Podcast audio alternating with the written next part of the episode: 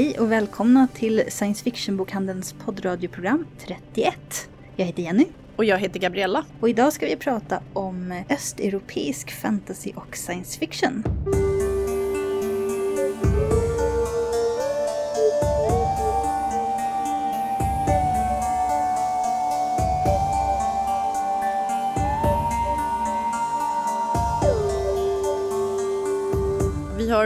Spännande intervjuer. Den ena med Catherine Arden som har skrivit The Bear and the Nightingale, en fantasyroman som utspelas i det historiska Ryssland. Vi pratar också med Julie Novakova från Tjeckien som har skrivit flera spännande noveller som finns översatta till engelska. Tillsammans med Samuel pratar vi lite om Witcher-serien och vi får även några tematiskt relevanta speltips från Daniel. Och så kommer jag och eh, Gabby naturligtvis prata om Östeuropa, Ryssland och eh, science fiction och fantasy. Och sen måste vi ju berätta att om ni är i Stockholm den 1 augusti får ni jättegärna komma förbi bokhandeln för då ska vi ha en livepodd.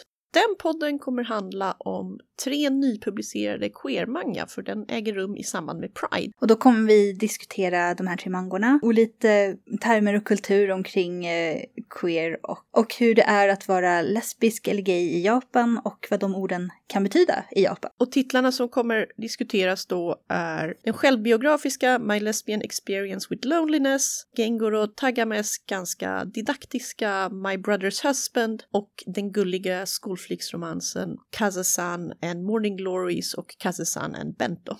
Alla titlarna finns inne nu om man vill läsa in sig i förväg. Vi hoppas vi syns den 1 augusti. Varför har vi då valt om att prata om östeuropeisk fantastik idag? För att förklara det behöver jag kanske komma in lite på hur vi planerar den här podden. Ofta har vi en hel liten hög med idéer som vi väntar på att rätt författare ska komma och besöka oss helt enkelt. Redan när det var sagt att Dimitri Glukovsky som har skrivit Metro 2033 skulle komma till Sverige så tänkte jag att ja, men det kunde man ju kanske göra en podd om östeuropeisk fantastik. Tyvärr fick han ställa in det besöket, men sen så kom ju Catherine Arden istället som har skrivit då fantasy som utspelas i Ryssland, även om hon själv är från USA. Precis, men hon har ju bott i Ryssland och studerat där i flera år och har intressant perspektiv på Ryssland som utomstående, men som har en insikt i kulturen ändå. Och det finns väldigt mycket intressant rysk science fiction, polsk fantasy, en del tjeckiska klassiker. Det var ju en tjeckisk författare som skrev den första romanen där ordet robot förekommer. Som kultursfär så finns det så mycket intressant litteratur att vi tyckte att det här är värt att podda om. Men hur mycket finns det utgivet? En hel del har ju kommit ut, om vi pratar nu svenska och engelska. Förlaget Koltso, tidigare känt som Ersatz, har gjort en eh, riktig kulturgärning för alla oss fantastikfans i och med att de gett ut väldigt mycket rysk och polsk science fiction och fantasy. Ja, verkligen. Det är de som har gett ut Perumovs serie som börjar med Diamantsvärdet och Träsvärdet. Det är de som har gett ut Metro 2033 innan den kom på engelska. De gjorde ett försök med Lukanjenkovs eh, Nattpatrullen. De verkar ha avstannat. Sen finns även, jag har en bok här som vi kommer att prata om lite senare, Vi av Jevgenij Samjatin, en riktigt gammaldags klassisk, den är gammal också från 1924, dystopi som är utgiven av förlaget Modernista som ofta har väldigt intressanta titlar men inte alltid titlar som eh, bokhandel för. De har bland annat eh, bestämt sig för att ge ut Tove Janssons backlog av alla Muminböcker. Och sen finns det ju på engelska en hel del. Bröderna Strugatskis konstiga, märkliga science fiction. Flera stora titlar finns som SF Masterworks och andra utgåvor. Ja, det är där också man kan hitta Stanislav Lem. Solaris bland annat. Ja, precis. Det finns ju en... eh, Och hela Nightwatch, alltså Lukasjenkos. Även om den då hamnar under skräck faktiskt, snarare än science fiction eller fantasy. Det, det är fantastik alltihop, inga problem så. Men om ni letar efter den på hyllan hos oss så står den på skräck. Och sen också vissa stora klassiker som ju faller inom det, den absurda eller magiska realismens fantastik mer. Till exempel Mästaren och Margarita finns det ett tjog utgåvor på både svenska och engelska och andra språk och även på bibliotek. Och eh, apropå då Catherine Arden som vi har en väldigt trevlig intervju med i det här programmet så skriver ju hon mycket mer i den traditionen än, eh, vad ska man kalla det för, anglosaxisk fantastik som är väldigt mycket baserad på Tolkiens eh, tolkning av vad fantasy är för någonting. Naomi Novik har ju också lånat ur polska folksagor. Eh, hon har tydligen polskt påbrå och blev väldigt inspirerad av sin mormor eller farmors berättelser när hon skrev Uprooted. Och så jag kan verkligen rekommendera att kolla på bibliotek också om man vill ha på svenskan för Delta förlag gav ut en hel del ryska riktigt bra böcker. Och ja. eh, det kan ni ju lyssna på tidigare programmet så för att hitta Delta-bloggen där han går igenom alla. Men sådana titlar finns mest på bibliotek idag.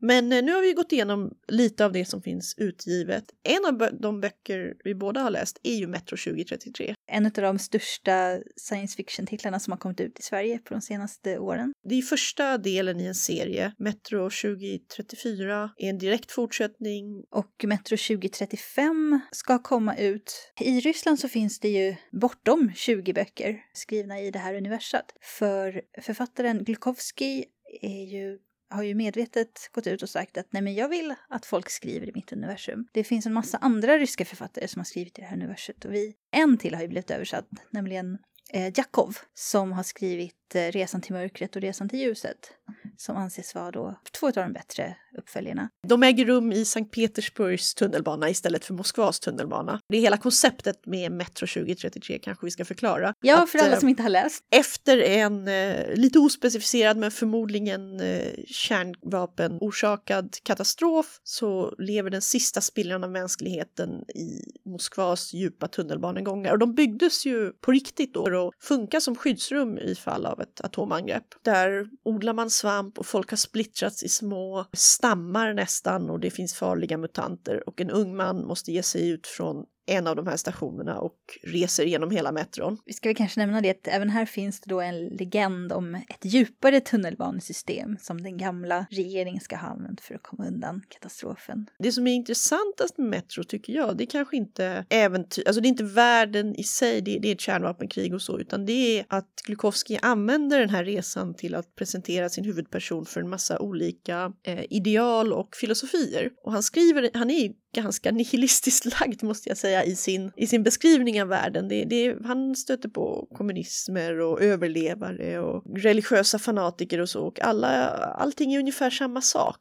Folk väljer sin ideologi och avgränsar sitt område och försvarar med all sin makt och siktar på att försöka utvidga sitt lilla imperium eller sitt lilla maktposition så mycket som möjligt. Men samtidigt så finns det ju ett annars, annat perspektiv. Det finns ju faktiskt människor som har en annan inställning. Även om de är i underläge så känns det aldrig som om poängen är att alla människor är fruktansvärda nihilister. Utan det finns, det finns en variation vilket jag tycker gör väldigt mycket i de här berättelserna. Det är det som gör att man, man ger inte upp att läsa. Man, man tycker inte att det spelar ingen roll vad som händer med de här människorna för alla är ändå lika dumma och elaka. Nej, det är sant. Och man kan fortfarande jaga rätt tror jag på den inbundna svenska utgåvan som är jättefin. Har med en fin tunnelbanekarta i början ja. och så. Ger mycket till läsupplevelsen tycker jag. Jag har inte hunnit läsa hans eh, senast utkomna bok Future som är någon slags dystopi. Nej, jag har inte heller läst den liksom väldigt mycket rysk fantastik, enligt min erfarenhet, eh, vill ju säga någonting om sin samtid. Känner man till mycket om Ryssland och Rysslands historia så får man ut mycket mer av de här böckerna, men de funkar ju fortfarande väldigt bra som historier mm. i egen rätt. Ja, och eh, anledningen till att Metro ja, exploderade på den internationella marknaden det är ju såklart för att den kom som ett dataspel. Jag har inte spelat det spelet, men jag förstår absolut, miljön är som gjord för Oh ja. Tunnelcrawlande dataspel och klaustrofobi. We have a visitor today, Catherine Arden, the writer of The Bear and the Nightingale. Hi, so glad to be here. Thank you so much for coming. Thank you for inviting me. Would you like to begin with giving us a short summary of what the book is about? The Bear and the Nightingale is is set in Russia during the Middle Ages, during the 14th century. It's a book that mixes historical fiction with Russian folklore and fairy tales. So it's a historical fantasy about a young girl who can see the mythical creatures of Russian folklore and what happens to her and her family. You've lived in Russia for a long time, haven't you? I have. I did a year in Russia when I was 19, and then I did almost a year when I was 22. And did you study Russian? I did study Russian. At one point, I was extremely fluent. I feel like now I'm more conversational. Then you talk about the romanizations of the names. Oh, yeah, I did. I had an author's note in the end of my book because, of course, a lot of the names are Russian names that I, I transliterated into English or Latin letters. And it's funny because in, in transliteration, you have different kind of schools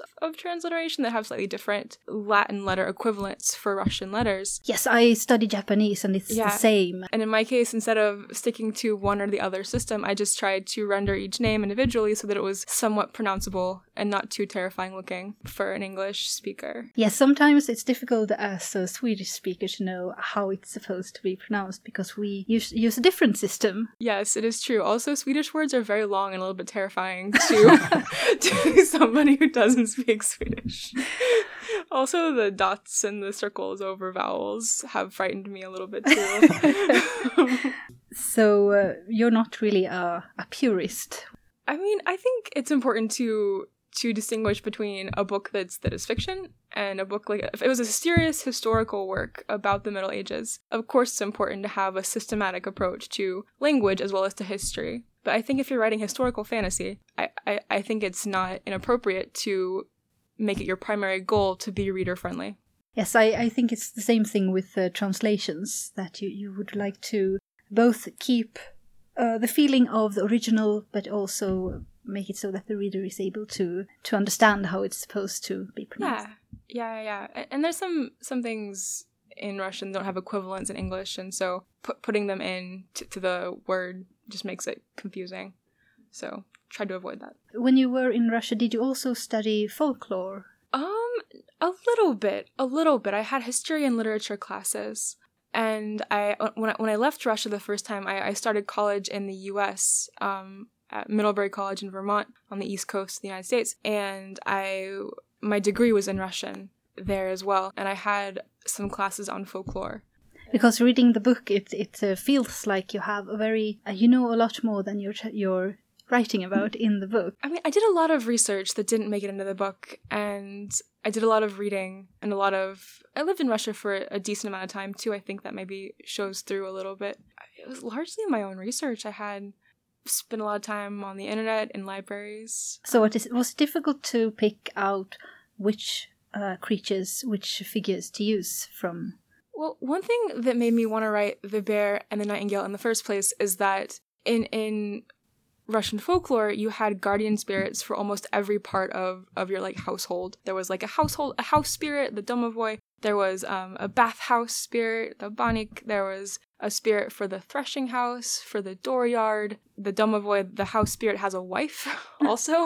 um, there, She wasn't in the book. no, she wasn't. I took her out. she, she, she was there at one point. And, and it just fascinated me how you could have a household and each little building has its own creature. There's one for the horses, one for the cows. And I loved the idea of a world where each little piece had its own like spirit, its own like animating force. Yes, I really loved the way that you. It it was partly explained in the book with the horses that uh, when she asked, oh, what's the name of that uh, the horse uh, guardian? Oh, Vasila. Uh, the Vasila, yes. Yeah.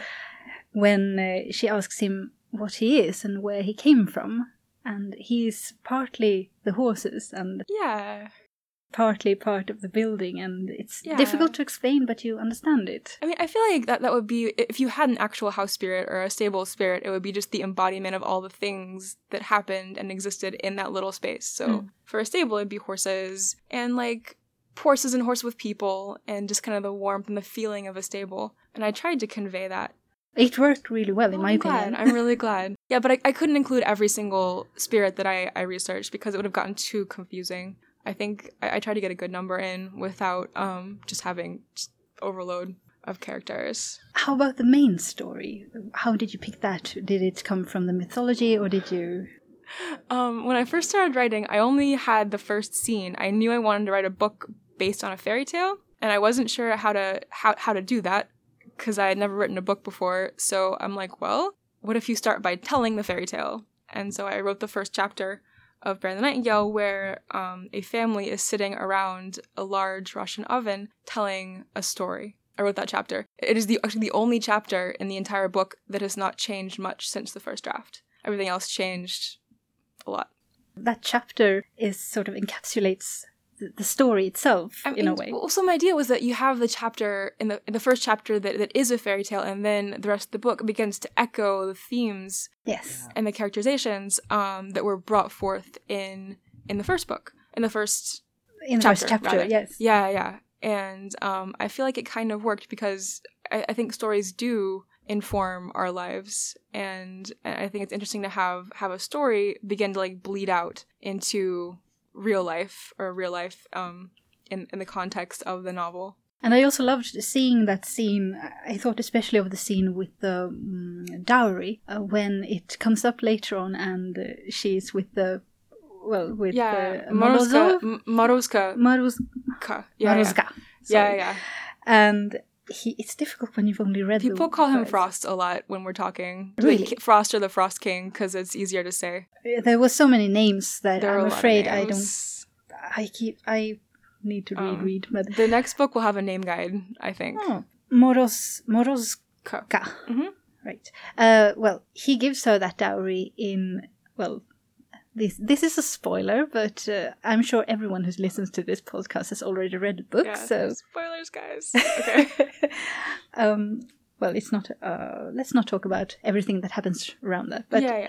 just the way it was uh, presented in the fairy tale, and then when we see it, well, in reality, so to speak, in the book, uh, it's uh, it was such a such a great way to see how how how much can be behind a fairy tale that you never see. You just see they tell they tell uh, the family that the the daughter comes home with this dowry that she was given, and everything else that happens is just it's just not told, Yeah. but it is told with uh, Vasya. I mean, in some ways, I feel like the the foundational, the fairy tale is like a, a melody line, and then the things that kind of come around it are like, like chords or like embroidery or whatever on the original melody. And in this case, I think with with uh with the, the those moments in the fairy tale with the dowry, and then at the end of the book, which echoes, of course, the fairy tale. I, I wanted it to recall the fairy tale, but also instead of being two kind of like faceless characters, you have you have the main character Vasilisa, who you come to know over the course of the novel, and then Moroska, who's also a real character at this point, Yes. and and they're real people having a real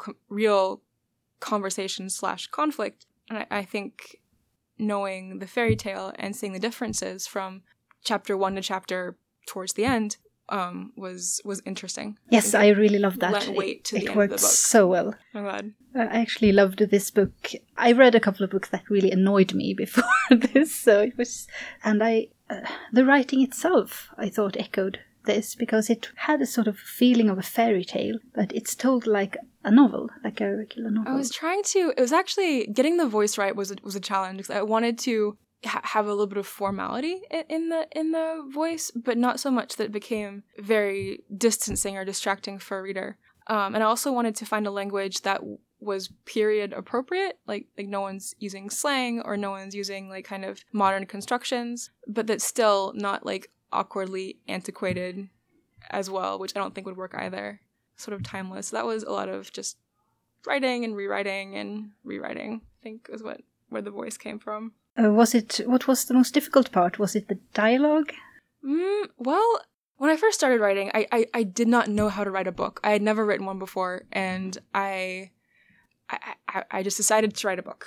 And, and I remember the first time it occurred to me that I should have some dialogue, I, I got a little bit panicky. I was like, they have to talk. What would they say? Like, and, and I got very, very anxious. Like, like, like, I don't know what they would say. And I, my first, I think, attempts to actually write dialogue were, were pretty, pretty clunky. I think not, not great. But I, I guess with, with this and with any long project, the, the most important thing is just to keep doing it. You know, you write a scene and then rewrite the scene and write it again until it's right. With Brand Nightingale, I think the most challenging thing was probably probably getting honestly, it was probably the priest and his arc was the most challenging of all the things I did in that book. Um, spoilers again, but but that was an arc that I I wanted to not descend too far in a cliche. I I found it uh, in many ways surprising. It didn't go. Uh, it didn't follow any of the patterns that you usually see with these sort of characters, in my opinion. I mean, I think it was a, it was a fine line. I think with a with a priest because I, I wanted a character who was genuinely charismatic and dynamic and conflicted, um, but also a character whose whose pride could be a problem. Yes, and also he didn't represent righteousness or goodness, and he didn't No. really have a redemption as such. Just he really had trouble letting go of his I mean, pride. I feel like he again spoilers, but I it was more a question of he starts out he starts out kind of as as this admired figure and he starts to conflate people admiring him, people admiring God. Yeah. And, and that can be very problematic. And I think actually the main character of Vasilisa tells him that at some point, like warns him, but of course he doesn't listen. Spoilers and and badness ensues. It's like that typical. There's also a line uh, where she says that if you if you continue like this, you're all going to die. And he's like, "Are you threatening us?" And she's like, "No, I'm warning you. It's not." Not a threat. Yes, it's that sort of misunderstanding that that people make because they they're so stuck in their own way of thinking and they can't really accept another truth. w- one thing with, with Bear and the Nightingale was I wanted to write a main character, um, Vasilisa, who doesn't fit neatly into a category, and and I think that her existence in the story is is in itself a source of stress and conflict for characters because it's hard to figure out where to put her. Yes, that that's very noticeable. Yeah, a lot of the characters they live these lives that are very decided for them not many of the characters have a large amount of freedom at all not even the men I mean, if you think about it, like medieval Russia, you're just trying not to die. I mean, all the time. It's probably like medieval Sweden or medieval anywhere that's very cold. Like your growing season, two months long. yes it was never as cold as russia despite being this far north Interesting. And I guess it's like New York or something where it's not as cold as you'd think it would be. But, but medieval, medieval Russia was was very cold. You have a very short growing season, and if yes if the descriptions of the winter yeah, were very very cold, and like they had the plague, they had constant wars. I mean, it was a very a very difficult situation. And i think in that in that kind of context like if you're just making it through the year you're already feeling good. So people don't think about like freedom because they just want to not die. And then there's the as i expressed myself in the question that i showed you the choking hand of christianity taking over and erasing all the old ways people had of protecting themselves. I mean, it's interesting actually because there's a, a thread of thought in Russian historiography, dual belief, dvaiverye, which is essentially that Christianity, which was adopted by um, Vladimir in Kiev, I think, so a while before the story starts, and then Russian paganism, which was even older, existed side by side for a long time. Especially in the countryside, people essentially believed that you needed to be a Christian to go to heaven, but you needed the household spirits to keep you safe in the world right now. I, I learned about this in, in college, and I always wondered is it possible for two belief systems that are somewhat incompatible to really coexist with no friction for hundreds of years? And my answer was, what if they didn't? And that was a, a question that helped me shape my story. I, what I didn't want to have happen in the Nightingale was to paint changing beliefs as inherently evil. What I wanted to do was show like the dangers of pride and the way fear can be exploited in a community. Yes, it's since you have the priest himself, it's not the church that makes this choice. The church itself, as an institution, isn't exactly portrayed as a force for good, but I would say it's a neutral force because people are people, right? And there's characters like like Sasha, Vasilisa's elder brother, the abbot Sergei, whose faith is a positive force in their lives. Then you have like the priest or Anna, Vasya's stepmother, where their faith is I think a negative force in their lives. yes, I really had a lot of sympathy for Anna, despite everything she did, because of how terrible her life was when she grew up. She had no choice. I mean, I, I always did feel feel badly for her. I think it doesn't excuse her later on in the novel, but at the same time, she none of where she ends up in the book was what she wanted, and she asked like straight out like if she could have a different future for herself, and she she couldn't. She didn't choose anything that happened to her. At the same time, though, one thing I wanted to have happen was to have her be kind of paralleled with Vasilisa, her stepdaughter, and show how powerful Vasilisa's self acceptance could be when compared to her stepmother who denies who she is. Vasilisa also has the opportunity to learn the old ways that Anna never had. There were no no one to teach her, no one to guide her, no one who knew what no one she tell her was. fairy tales.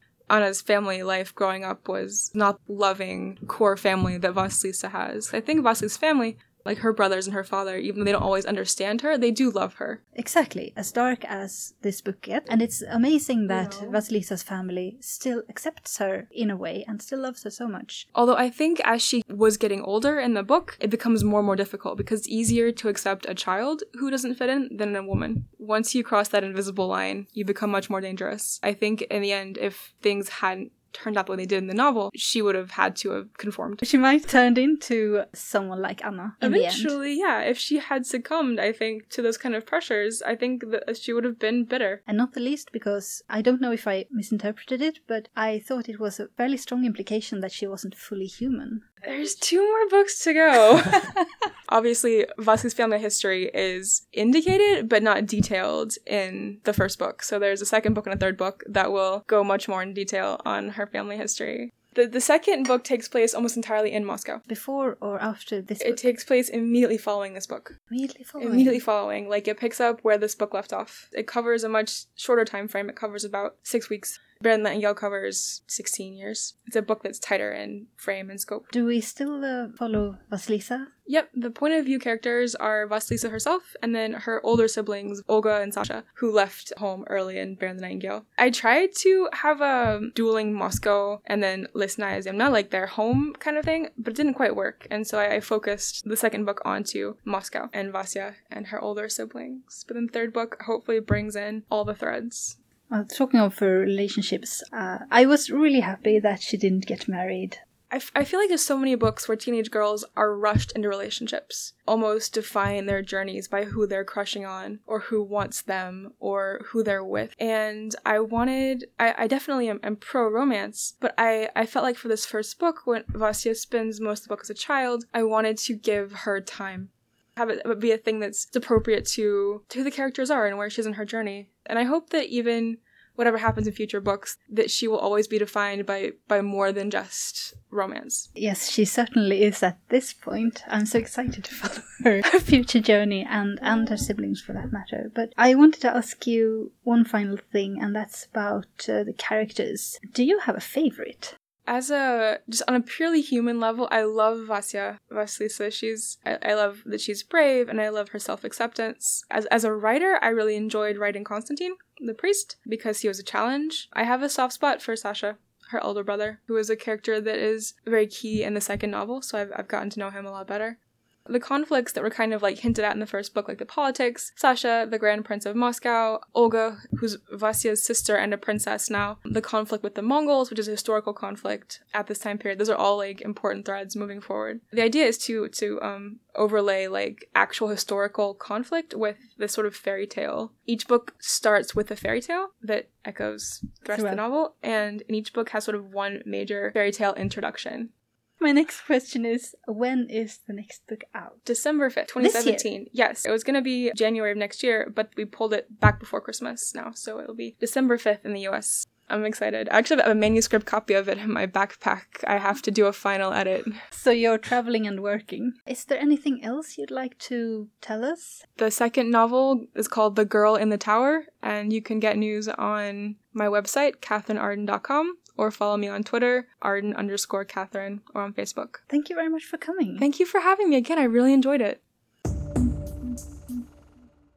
Som jag sa tidigare så tycker jag då att eh, Catherine Arden har ju inte bara den här sagoaktiga känslan, hon baserar ju väldigt mycket av sina böcker på ryska folksagor. En mycket mer magisk realismkänsla än strikt fantasy. Men det kan man däremot inte säga om Nick Perumov. Nej, verkligen inte. Det här är plockat från beskrivningen av sista boken i hans eh, Svärdets väktare-serie. Man har ju redan på namnet att det här är episk fantasy och där kallar vi den hyperbolisk rysk wagneriansk fantasyopera, vilket jag tycker är en ganska bra beskrivning. Mm. Man brukar ju säga att alla som skriver fantasy måste förhålla sig till Tolkien. Enligt min mening så både gör han det och inte. Han kanske fick det lite ur vägen. Det vet ju säkert många som, som lyssnar att i Ryssland så tar man ju lite annorlunda på internationell upphovsrätt. Bland annat när Harry Potter var som störst så skrevs det en alternativ bokserie som handlade om en tjej som gick på typ ett ryskt Hogwarts och gavs ut i Ryssland. Kan inte ges ut någon annanstans. Men Perumov började på 70-talet att skriva en fortsättning till Tolkiens värld som utspelar sig explicit i hans Midgård alltså, men inte handlar om samma personer. Och den har efter lite om och men även kommit ut på svenska som Alvklingan och den svarta lansen. men den kan inte ges ut på engelska för där sätter Tolkien Estate stopp för det. Och det var ju då hans debutverk. Ja, han var lite i blåsväder över det. Svärdets väktare-serien är helt originalverk och man skulle kunna ge ut Diamantsvärdet och Träsvärdet och alla följande böcker på engelska. Men det är det ingen som har gjort.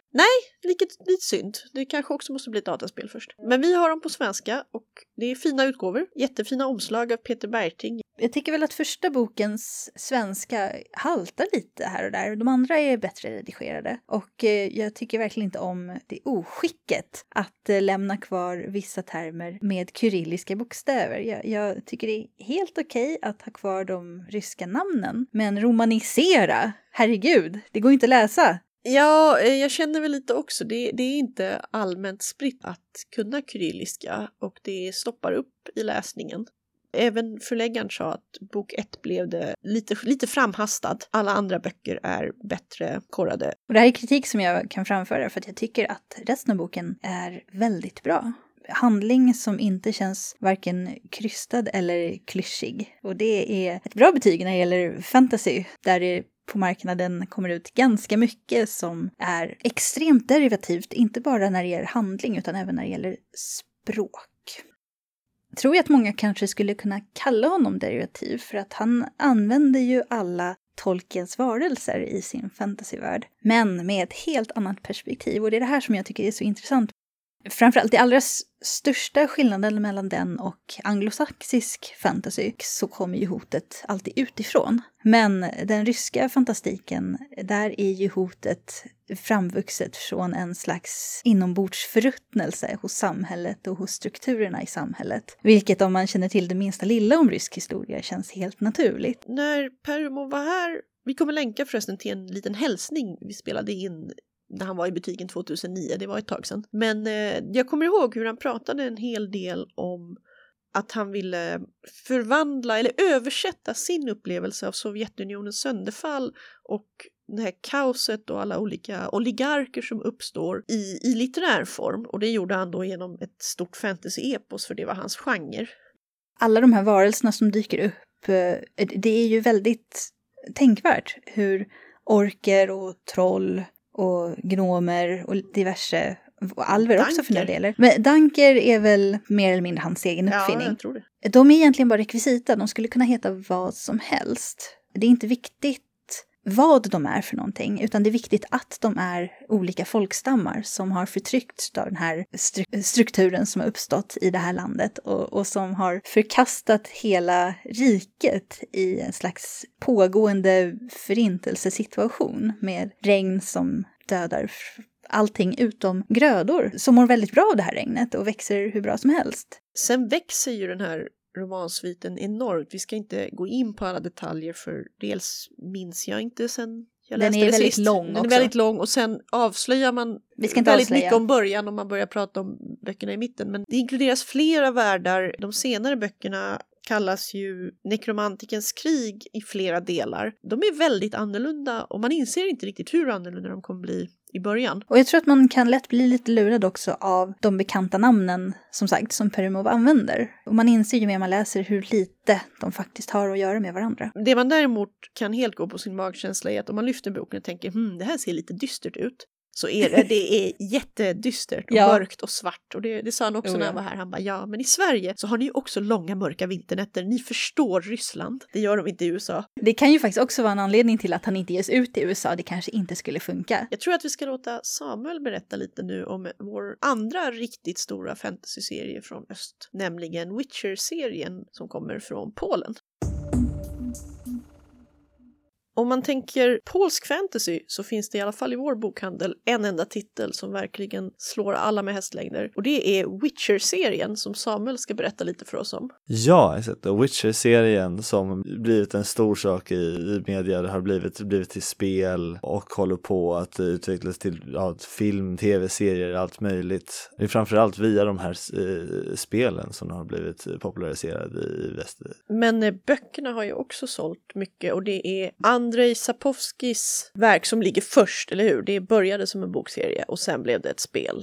Exakt, och den, eh, den är inte så ny ens en gång. Den, eh, han började släppa de här böckerna i början av 90-talet, i princip alla eh, skrivna på 90-talet. Det började då med eh, några kortare berättelser som han skrev om den här eh, witchern då, eller spellmakern eller vad man nu, nu är ju inte min påse så bra men det, det, originaltiteln då är ju då någonting i med Vidgmin då, då som är, de betyder då witcher. Det, den följer då den här mystiska gestalten eh, Geralt som eh, går, åker omkring och jagar monster helt enkelt. Han eh, skrev, han skrev egentligen första berättelsen, typ som en introduktion till karaktären för att vara med, han var med i en tävling. Eller försökte skriva en kort berättelse och vinna ett pris. Och det, det gick ju ganska bra. Han kom faktiskt inte första plats men berättelsen blev så populär så att han fortsatte skriva mera. Det är som i både Eurovision och en del andra tävlingar. Det är tvåan som kommer längst sen. Exakt. Det utvecklades vidare. Han skrev en hel samling med små berättelser. blev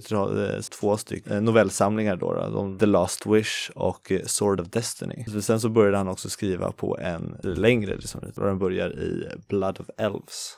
Vad är det för ton i böckerna? Det, det är fantasy, men ja, vad är det mer? Exakt, det är, det är ju mörk fantasy, medeltida, lite magisk setting. Det finns alver och det är typiska elementen, alver och dvärgar och halvleksmän och sånt där. Och så, så finns det då massvis med monster, det finns magi och sånt där på det stora hela så målas ut som väldigt mycket ett medeltida samhälle och den här världen och kontinenten känns ju som att det skulle vara i, i stil något medeltida Europa. Den leker ganska mycket med, ja, med folksagor och eh, så här, tar de klassiska folksagorna, det märker man väldigt mycket. Det är till och med den första, eh, det här The Last Wish, att han har plockat klassiska, nästan såhär, typ Grimms folksagor och polsk folklore och eh, har med allt det här, oftast med en liten twist. Det finns karaktärer som man uppenbarligen märker är baserade på Snövit och de sju dvärgarna, men med lite så här mörk, twisted variant av det.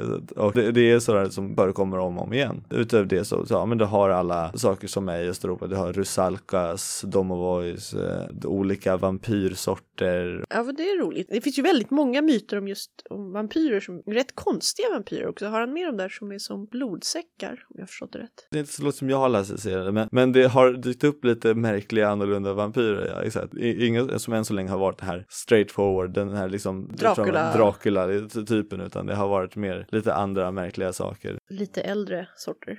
En annan stor serie vi har som är från Ryssland är ju Nick Perumovs som börjar med Diamantsvärdet och Träsvärdet. Och den är ju väldigt mörk. Är det likadant i Witcher att just den här tryckande hopplösheten nästan, där till och med naturen är emot den? Lite, det kanske inte vore samma, samma grad, men absolut, det är ju, känns som ett värld som det håller på att gå nerför. Alla krig och konflikter håller på att liksom trappas upp och hjältar får inte vara hjältar längre. Den här huvudkaraktären då, Gerald, eh, som är en witcher då, alla de här witches är mestadels hatade eller, eller fruktade bland befolkningen på grund av alla rykten om deras metoder och att de ser lite konstiga ut. De går igenom hård träning och de utsätts för gifter och mutationer för att liksom, bli så bra som de möjligtvis kan. Och, eh, och de blir ju fruktansvärda kämpar. De blir, kan ju mäta sig med, med dessa, dessa monster. Det är den här klassiska, om du ser ner i avgrunden så ser avgrunden in i dig och förändrar dig också. Du nämnde också om eh, Perumov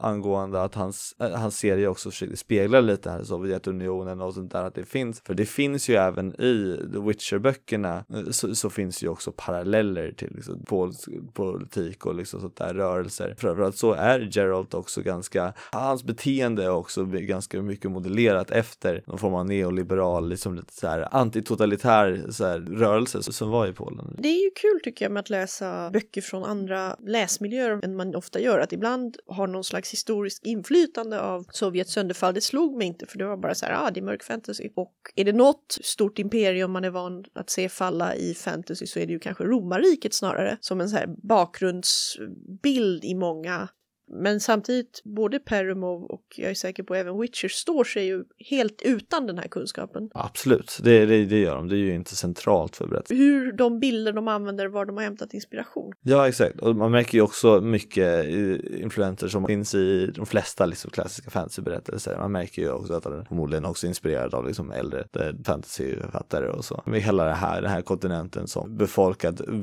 först och främst tidigast av alverna och dvärgarna och sådär och människor hon kom för kanske i den här sättningen då för ungefär 500 år sedan och så kom hon in, tog över allting och knuffade ut alla andra andra och så hamnade lite i skymundan. Det är väl några saker som jag känner att jag har läst flera gånger förut. Men eh, det, tycker jag att han ändå målar upp en, så här, även om man använder mycket klassiska knep och den här mixen, det liksom hans presentation av folktro, tycker jag gör en i väldigt lätta medel väldigt intressant värld. Jag har ju inte hunnit spela Witcher-spelen än, men jag har hört att de är extremt bra. Det står ju valet och kvalet då mellan vilken jag ska börja med. Och jag vill ju naturligtvis spela dem på polska för den rätta känslan. Det, det lämnar jag till dig, för dataspel hinner jag inte alls med. Jag spelar Skyrim, det blir inte så mycket mer.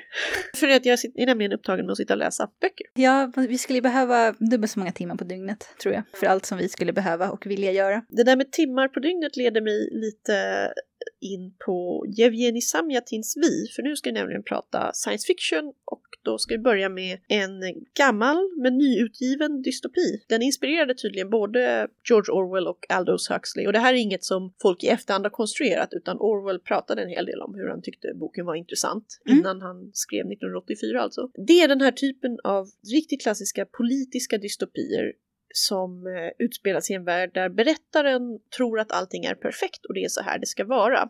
Det finns ingen storebror, men däremot finns det inget privatliv heller för alla bor i stora, det låter ungefär som hyreskaserner byggda av glas. Ah. Och man måste beställa en rosa biljett om man vill ha ett, en timmes eh, samkväde med en annan person. Och då får man låna gardiner och dra för. Och sen alla går i takt till jobbet exakt samma tid. De marscherar på sin utsatta promenadmotionstimme till en blåsorkester. Om man tänker fel så ska man anmäla sig hos antingen doktorn eller något slags rättviseministerium mysterium och då blir man offentligt avrättad. Okay. Men eh, de har ju lyckats matematisera ner lyckan, enligt berättaren då, som sedan träffar en nästan eh, sataniskt skön och märklig kvinna som inte följer reglerna. Jag kommer inte ihåg vad någon heter i boken för att de heter typ O213 och I417 eller något sånt där. Ja, de, det sätter sig inte på minnet direkt om man säger så. Nej, inte siffrorna framförallt. Men eh, den är kul. Alltså jag var förvånad hur intressant språket var. Den innehåller många meningar som bara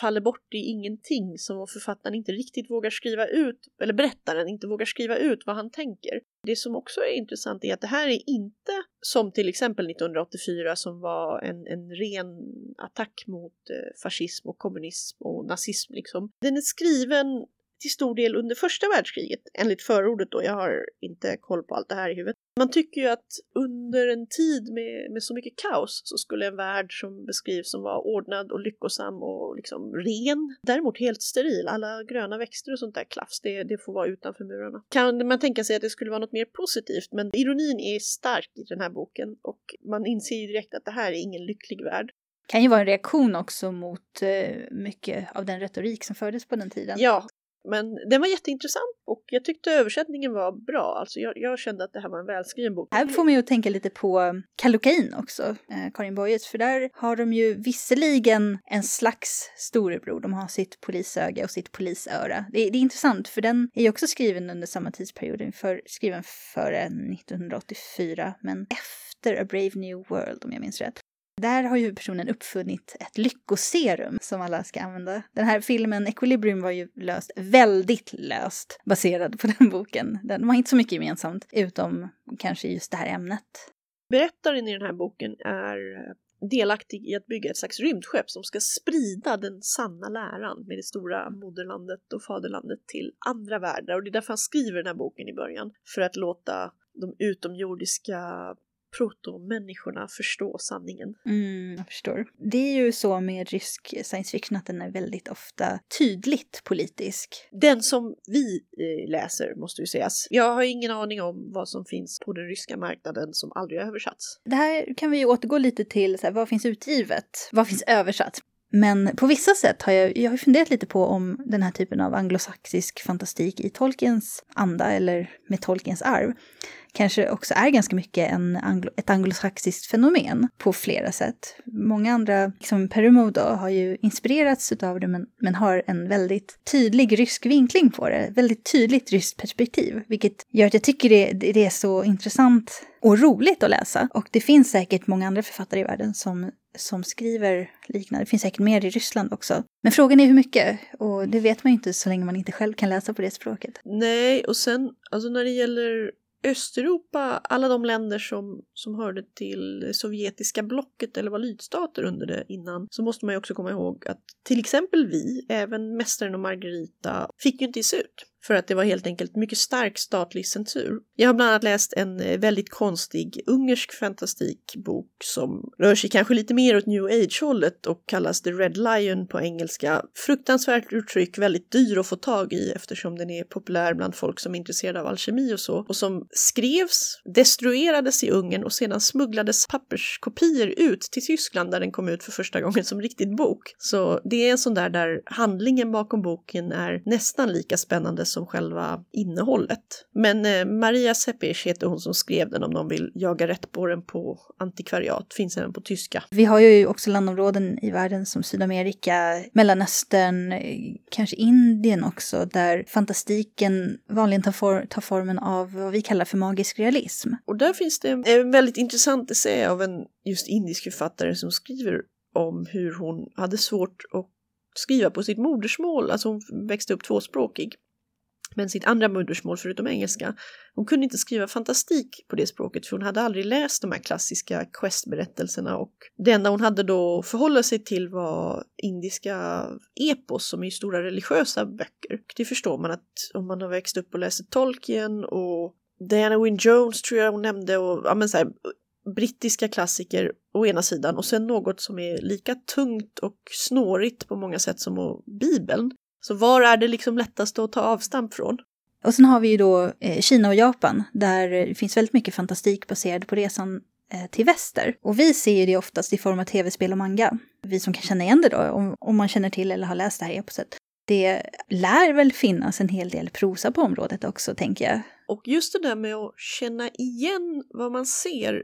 Eh, nu kommer vi in på ett par författare som är väldigt bra, nämligen Arkadi och Boris Strugatsky. De är bröder och ofta skriver man helt enkelt bröderna Strugatsky när man diskuterar deras författarskap. Och de skrev ju politisk science fiction, också mycket satirisk och himla bisarr. Alltså det, det här är böcker där jag ibland bara, jag förstår inte vad som händer i dem. Mm. Jag, kan, jag kan förstå precis tillräckligt att jag förstår att de är inte nonsens. Det är inte så här man bara, men det här är ju en dåligt skriven bok som är full av plot holes. Nej. För sånt har man läst ibland. Man bara, den här författaren vet inte vad de gör. Ja.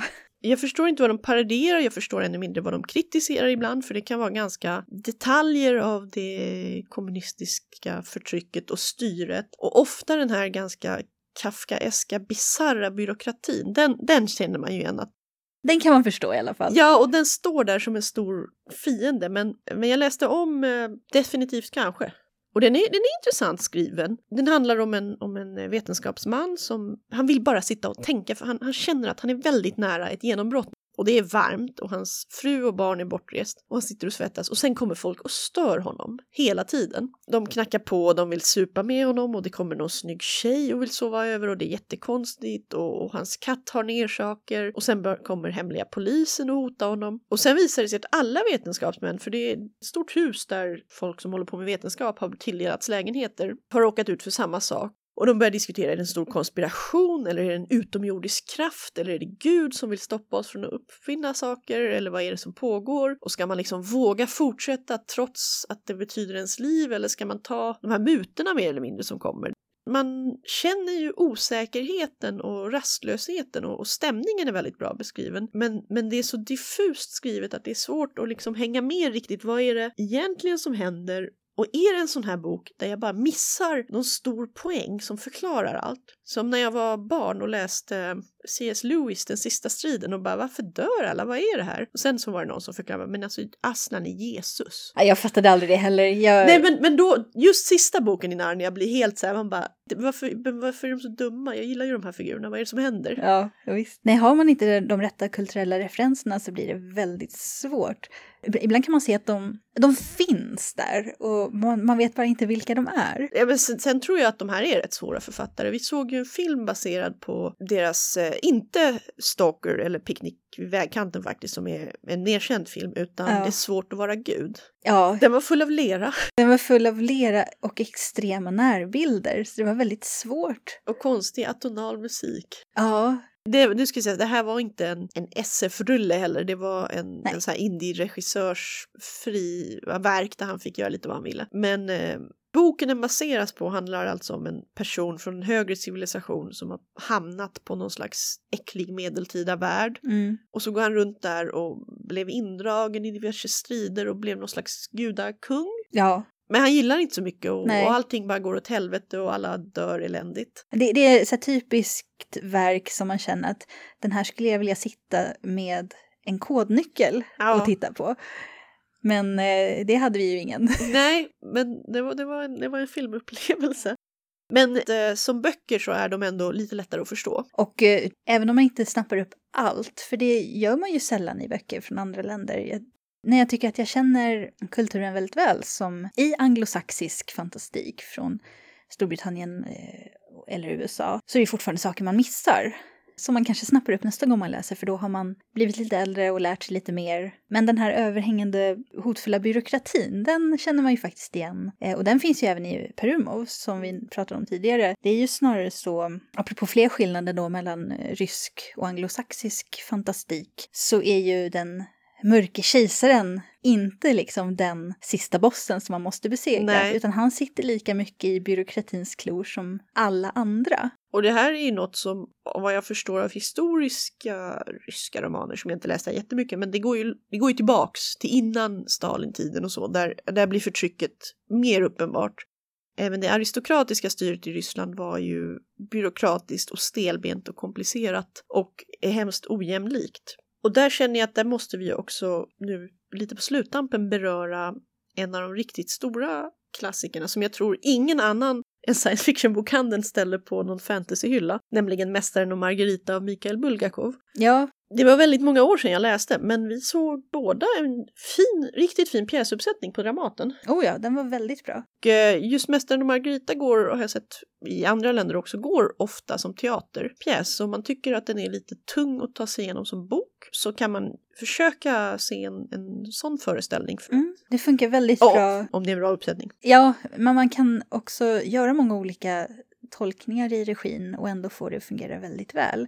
Vi såg ju en version där både Mästaren och Margarita spelades av kvinnor, vilket jag tyckte var intressant i och med att eh, Mästaren är ju då en frälsarfigur. Och sen är den ju, alltså sen är ju romanen fantastiskt mång, många lager i den och, och så många referenser. Och den kan ju läsas både politiskt, den utspelas på 30-talet.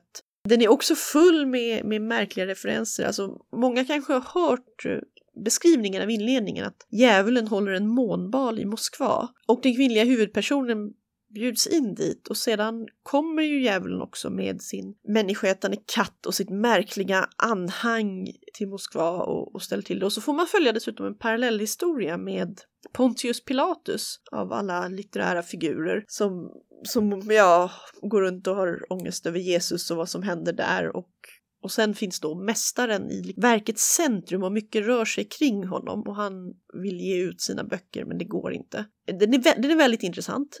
Den är rolig också på sina platser. Alltså riktigt mörk humor. Så slutsatsen är väl helt enkelt att vi borde läsa mer på ryska så vi förstår det bättre. Men också att det finns bred spännvidd ta av. Och nu har vi pratat lite om teater och jag tänkte bara tipsa om en kulturell ledtråd som kan, kan vara väldigt bra att se är berättelsen om och balletten. Eldfågeln. Mm. För det är en myt som dyker upp ofta och som refereras ofta. Och vi har inte riktigt gått igenom hela alltså det här kulturgodset med Baba Yaga och Eldfågeln just och den odödliga trollkarlar och så. Det finns mycket att prata om där. Men de här berättelserna också, folksagorna, eh, går ofta tag i olika versioner och, Mm.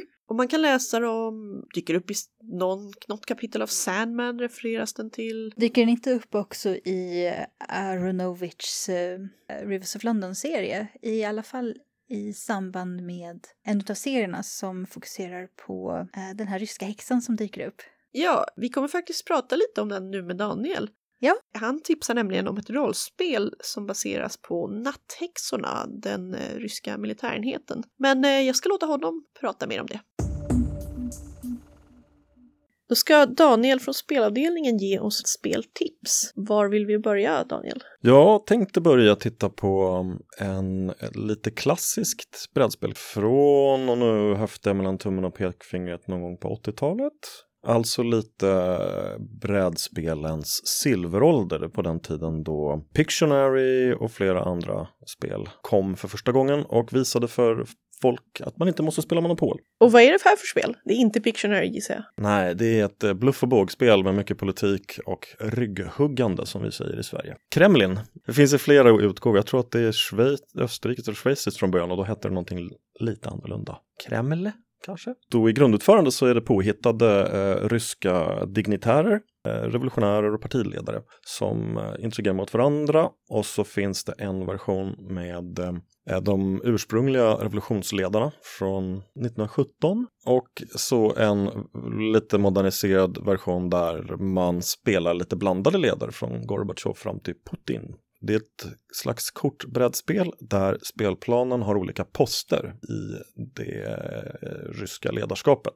Man kan vara partiordförande, olika former av sekreterare, ansvarig för eh, säkerhetspolisen eller bara partimedlem. Och så gäller det då för spelarna att hemligt satsa poäng på vilka av de här figurerna, exempelvis Lenin, Stalin med flera från den ursprungliga revolutionen. Och försöka pusha dem upp i makt helt enkelt så högt som möjligt. Och så får de här eh, marionetterna som man har fatta lite olika beslut varje runda. Till exempel skicka en annan partimedlem på omskolning på sanatorium. Vilket gör att han inte kan göra så mycket den rundan. Eller avpolitera personen. Och de kan också dö av hög ålder. Så det är ett spel om man vill på ett ganska humoristiskt sätt hugga varandra i ryggen, ljuga, manipulera och satsa dolda poäng. Alltså bli ovänner helt enkelt. Ja, jag tänkte säga det. Det låter som ett typiskt så här spel som alla börjar glada och sen pratar man inte med varandra över den kallnade pizzan. Ja, Men eh, hur, hur eh, nybörjarvänligt är det? Är det väldigt många små pluppar att hålla reda på eller kan man plocka upp det och köra Mm, det är ju lite old school kan man säga, så i teorin är det nybörjarvänligt i och med att det finns ju tre olika varianter i samma förpackning i den här utgåvan som finns ute idag. Men det är en lite knöligare tänk med hur reglerna har skrivits eftersom det har några år på nacken. Så egentligen är det inte så mycket svårare än att du satsar dina dolda poäng och så tar man en vända där varje figur får göra en handling och så kan man bjuda över och under varandra med lite poäng för om det, är, om det är ganska lika i vem det är som styr figuren. Och den figuren försöker då avancera avancera i rang och eller avpolitera andra. Det är i princip det, men så finns det ju en massa undantag och sådär så att det kan upplevas som medelsvårt skulle jag säga. Och du hade ett annat tips från eh, vår rollspelsavdelning snarare. Mm, bordsrollspel, att uh, prata sig igenom en berättelse istället. Night Witches av Jason Morningstar som är väl en lite semi-indie-utgivare. Alltså uh, lite mindre format, lite genuinare och innerligare skrivet kan man säga. Lite innovativa regler också. Och Night Witches handlar om de ryska kvinnliga bombflygarna under andra världskriget som inte tilldelades den modernaste utrustningen. Så de flög eh, snobbenplan, om man uttrycker det så, på bombuppdrag. Och de här fanns ju på riktigt. Natthäxorna, som tyskarnas öknamn var på en specifik division i sovjetiska armén, som även dyker upp till exempel de nämns i Rivers of London-serien, kommer en person därifrån. De fick inte full utrustning, eh, inte samma moderna plan som resten av de ryska piloterna hade. Var tvungna att flyga ganska svåra bombuppdrag, också då på natten då för självklart. Spelet fungerar, går i ett slags kretslopp kan man säga, där man börjar spela på flygbasen med eh, att förstås förbättra sin figur men också ha relationer sinsemellan eller med yttre personer. Så det är ganska hbtq-vänligt i sin story tycker jag är trevligt. Och det kan komma överraskningsbesök från hemliga polisen kommer helt enkelt. Om man kan få bättre utrustning eller svårare uppdrag. Och sen den andra delen av spelet gör själva flyguppdraget då, som tenderar att bli en lite mer mekanisk del. Men i och med att det är lite av ett indie-rollspel så är det inte fullt så mycket tärningar utan mer gestaltning än i traditionella, till exempel Dungeons and Dragons. Där kan man ju, om man vill då, läsa till sig. Jag, jag har sett lite artiklar här och var dykt upp eftersom de, de hade de här små en eller tvåtaktsplan och stängde av motorn och svävade helt enkelt tysta som häxor på natten. Det finns en metalsång också inspirerad av dem och så, så är man sån här rollspelare som vill samla in sidoinformation så är det en bra källa att liksom börja kolla där. Utsagt. Ja, det är alltid roligt med, med kring litteratur och, och musik och annat som hör till. Men det här är som sagt, det här är ett bordsrollspel. Man sätter sig runt bordet och samtalar, spelar tillsammans? Eh, eller är det en spelledare? Och... Jag är lite osäker faktiskt. Jag har för mig att det är en spelledare men att man kan turnera runt om vem den som leder ett visst spelmöte och att alla deltagare har varsin persona. Det, det är inte ett fullt samarbete, spelledarlöst samarbetsspel utan det finns en som leder om jag minns rätt hyfsat mycket relationsbaserat. Det handlar om hur personer utvecklas mer än hur många orcher man har slagit ihjäl. Och så avbrutet av de här äh, kan vara ganska våldsamma krigsuppdragen där man ändå sitter i ett flygplan men hetsiga och som du säger segla ljudlöst, inte bli upptäckt av fiendeplan eller luftförsvar och sådär. Så att den är nog till för att vara en actionsekvens som ger mer bränsle på elden till dramat när man kommer hem till basen. Ja, apropå eh, det här med översättningar som vi har pratat lite om så är det ju synd att eh, det, det, största kulturella inflytandet kommer just från den anglosaxiska sfären och dränker ut lite mycket av det andra som vi skulle kunna få tillgång till. Du har pratat med Julie Novakova som är en tjeckisk författare. Det finns några noveller översatta och det är de ni pratar om. Ja, och hon eh, översätter även en del andra verk har hon gjort. Men hon har ju skrivit böcker, mm. romaner. Ganska många. Som vi tyvärr då inte har tillgång till, vi som inte kan prata tjeckiska. Men låt oss lyssna på henne, hon ger oss även en introduktion till den mest kända skulle jag säga, tjeckiska SF-författaren Karel Čapek. Ja. I have with me Julie Novakova, Czech science fiction author and researcher. Do you want to tell us a little bit about yourself? Of course, and thank you, Gabby, for having me here. Well, as you said, I'm a science fiction author. In Czech, I have published seven novels, one anthology, and about 40 short stories. In English, I have published 16 of them, so you can actually find them in magazines like Clark's World, Asimov's, Analog, and in many science fiction anthologies. And both Asimov's and Analogs are also published on paper, and we sell them in the store. Clarkesworld, I think you find online. Yes, you can access the content for free and there will be links in the episode information of this podcast to Clarkesworld, among others. What themes do you work with in your science fiction? Well, actually, the fact that I have studied science and I still study it, I write popular science articles, helps me a lot in writing science fiction. I prefer science fiction that is scientifically interesting as opposed to, for example, planetary romances that just use future as a setting and do basically very little new things. I often use biology or astronomy in my science fiction. In the story that was published in the March 2016 issue of uh, Asimov's, I was interested in what would happen if we found a black dwarf star in our galaxy, because a black dwarf should originate by the cooling of a white dwarf, which is a remnant of a sun like star. This cooling takes a very long time, so that there actually shouldn't be any black dwarfs existing in the universe for trillions of years. So, how could we interpret it if we found one? Would it be evidence of time travel, or some very exotic cooling process, or some extremely advanced civilizations? So the characters try to explore that and also prevent a major conflict.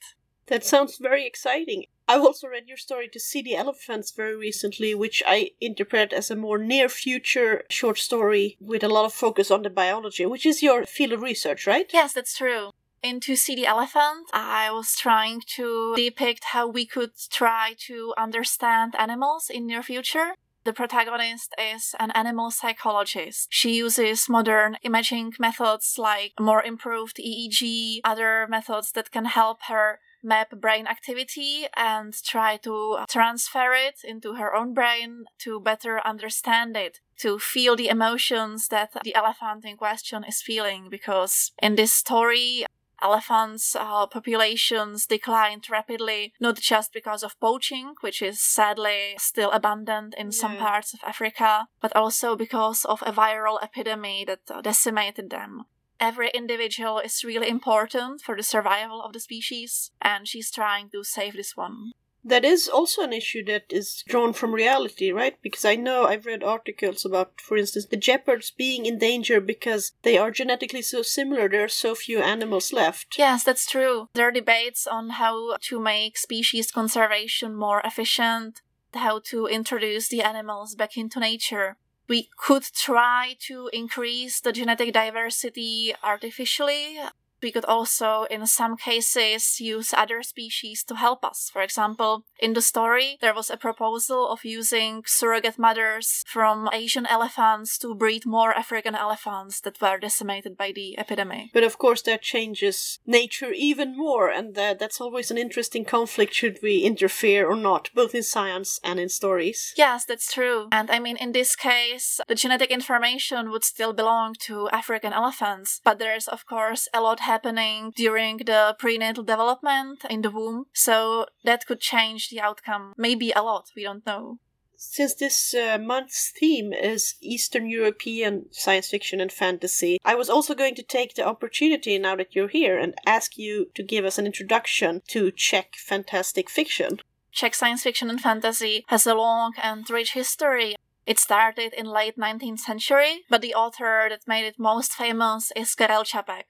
In the 20s and 30s, he wrote several novels and dramas. Some of the most famous ones are, for example, RUR, Rossum's Universal Robots, which is actually the work that gave us the word robot. Yes, and it has been translated into both Swedish and English. The Swedish edition is currently out of print, but we do sell it in English as part of the SF Masterworks series. And a famous novel by Karel Čapek is, for example, The War with the Salamanders. It explores the idea of humans at war with intelligent salamanders, which sort of represent the Nazi Germany at that time, but also uh, it explores the idea of meeting a whole new intelligent species. ROR is also, as I understand it, you can read it on two levels as a parable over the, the worker in, was it pre communist society? Or, and as a robot story. Yes, it can be read like that. It's also sort of an allegory of human relationships. If I can make some spoilers. It is a quite old book. I think yeah. that's fine. Well, basically, two robots, one male, one female, are freed to start a new life, maybe a new species there's a hope that they will do better than humans. Can you give us some suggestions for more recent works? Of course. Actually, for last year's Eurocon in Barcelona, I have edited an anthology of Czech uh, science fiction and fantasy in English translation. It's called Dreams from Beyond, and you can download it for free from my website. You can find several reviews online, like on the blog SF in Translation, which is, by the way, a brilliant blog by Rachel Cordasco, who knows more about science fiction and fantasy from non English speaking countries than anyone else, maybe. This year, there was a story called Terra Nullius by Hanush Sainer. It was published in Strange Horizons. His novelette called Hexagrammaton was published at Tor.com, a website belonging to the Tor Books publishing house. If we look away from language barriers now, do you have any favorite among the Czech science fiction authors? I love novels of Vilma Kadlečková and Karolina Francová. Vilma Kadlečková's main work is a hexalogy called Mycelium. It's about sort of a clash of cultures. In these novels, humanity has made contact with several humanoid alien species. Some of them are culturally very different from us. There's the Ursa civilization, which is uh, basically a theocracy. It's very religion controlled. They have no concept of freedom of individual and freedom of speech, so it's really difficult for people and Ursans to understand each other. And Karolina Francová uh, is great at exploring human relationships in the future. Her latest work, Konstantinov Effect, which would uh, translate as Konstantin's Effect, does a very good job at that. More and more Czech authors are now trying to either write in English or get translations. So, apart from the works I have mentioned, there is also the story by uh, Lucie Lukačevičová called Spark of Thought. And we also uh, have Jan Kotoč, who writes sort of military science fiction, and he has an upcoming novella in a planned anthology of works set in the world of Honor Harrington by David Weber.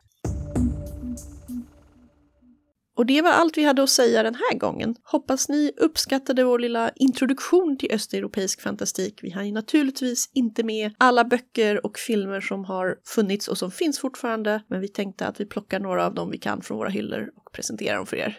Nästa gång så ska vi prata om Fandom och Worldcon så kommer vi, som vi sa i början av programmet, ha en livepodd här i butiken den 1 augusti som handlar om queermanga queer-manga från Japan. Ni som är intresserade, läs gärna de tre titlar som vi tog upp och kom och prata med oss den 1 augusti. Och är ni mer inne på rollspel så ordnar bokhandeln tillsammans med föreningen Queernördarna den 2 augusti en rollspelsdag där man spelar ett queer-temat scenario till Ur varselklotet. Mer information står på hemsidan och Facebook.